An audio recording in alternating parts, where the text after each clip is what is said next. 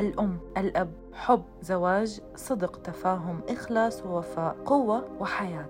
يدا بيد سنبقى سويا. رحاب قاهرة السرطان اللي استطاعت هزيمة السرطان باكتساب هالقوة من عائلتها زوجها وأولادها وأهلها. مرحبا أنا رحاب أبو زهرة أردنية مقيمة بالإمارات عمري 38 سنة دارسة صيدلة. أه بشتغل في مجال المبيعات. أم لطفلين بنت وصبي. عن بداية المرض واكتشافه. بداية مرضي كانت صدفة. صراحة ما كنت أعرف. كانت عن طريق الصدفة كنت حاسة حالي تعبانة. ففي يوم قررت إني أروح أزور الدكتورة. وزرتها وبعد فحوصات كثيرة يعني ست لسبع فحوصات. خبرتني الدكتورة إنه عندي ورم ولازم استئصاله بأقرب وقت يعني ما لازم أستنى. بس قبلها طلبت منا ناخذ عينة علشان أقدر إني بقدر أخضع للعملية ولا لا.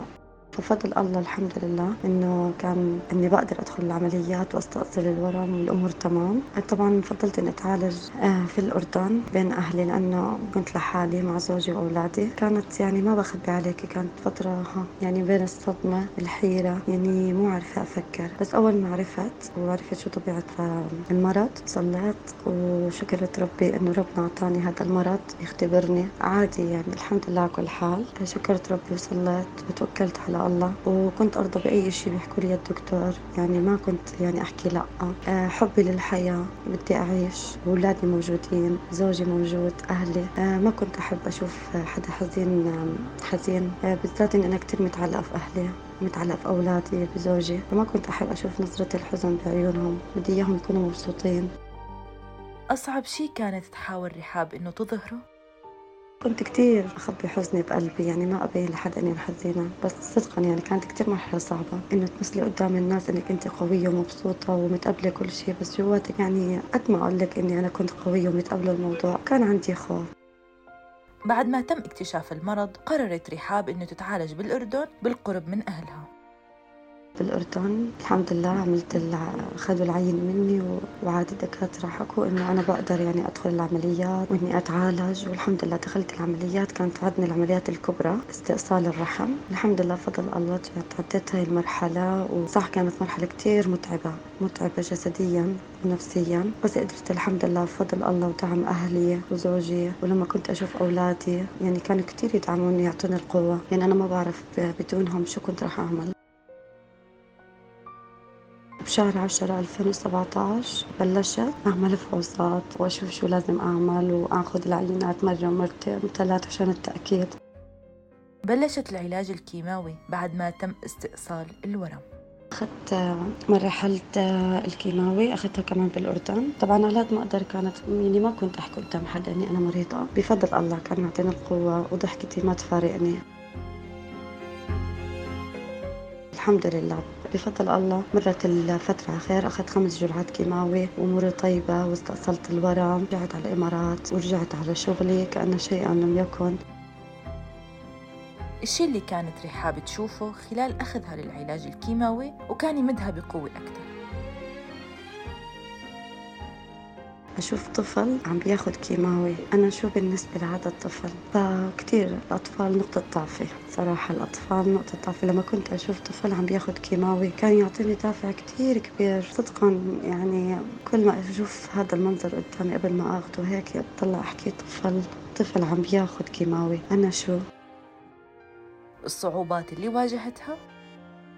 واجهت صعوبات في البداية إنه لا رحاب ما بتقدر رحاب بنت تعبانة. بس صدقا كنت أنا أعاند وأرجيني أنا مو تعبانة. مو إني أضغط على نفسي لا كنت أنا فعلا أنا بقدر. ليش لا؟ ليش ما بقدر؟ بقدر. يعني ما في شيء بقول الإنسان لا استوب أنت مريض يعني لازم أموت. لا لا أبدا. هذا المرض أعطاني إني أكون قوية إني أعرف أحكي كلمة لا. آه، علمني إني أكون إنسانة كتير صبورة. تقربت من الله كتير كتير كتير كتير.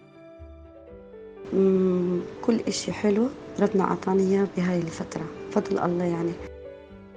عن أولادها وزوجها سألتها كيف أولادها تلقوا الخبر؟ أو هل كانوا واعيين للشيء اللي عم تعيشه؟ وزوجها كيف وقف بجانبها؟ أنا أولادي ما كانوا يعرفوا طبيعة مرضي بحكم إنهم كانوا صغار يعني. هن كانوا يدعموني لما بيمسكوا إيدي بحسوا حرارتي بيجيبوا لي الكمادات بضلهم قاعدين جنبي انت منيحة. فكانوا يدعموني وأنا لما كنت أشوف آه، يعني نظرتهم لإلي وحزنهم علي وحنانهم كانوا يخلوني يعني إني أقوم أقعد معهم نحكي آه، إنه يعني ما تركوني أولادي كانوا هن يعني الأساس بهاي المرحلة.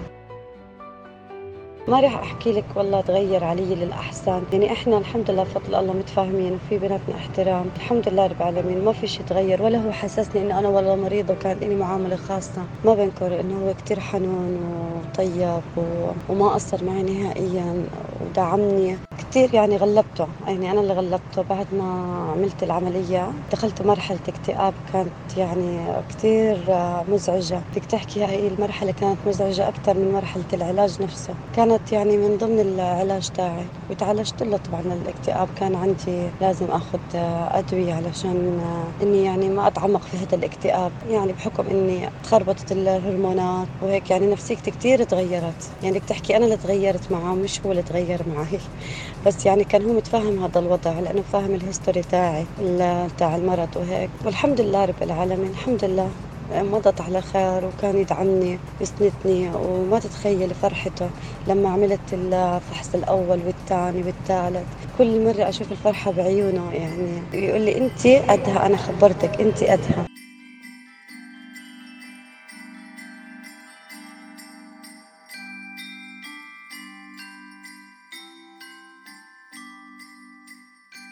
ورسالتي لكل واحد مريض مرض السرطان ما تخاف وخلي إيمانك بالله قوي وخلي خلي هذا المرض داعم لإلك للحياة. مش معناته مريض سرطان يعني نهاية العالم لا طبعا. لازم يكون عنا إرادة قوة وإصرار والحياة كتير حلوة. بتمنى لكل مرضى السرطان كليتهم بالشفاء والراحة النفسية وربنا يكون معاهم والله يعطيهم القوة والصحة والعافية. لكل إنسان مريض بالحياة ربنا يعطيه القوة والصحة والعافية وخفف عنه. دايما حبنا للحياة رح يكون أقوى من أي شيء تاني. بحبنا للي حوالينا. لما نحس إنه في كتير ناس بحبونا رح يزعلوا لو فقدونا. ولما نعرف إنه في أشخاص بدهم إيانا نكمل معهم هالحياة سوا.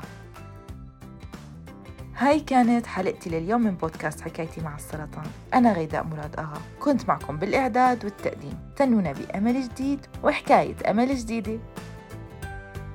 سلام!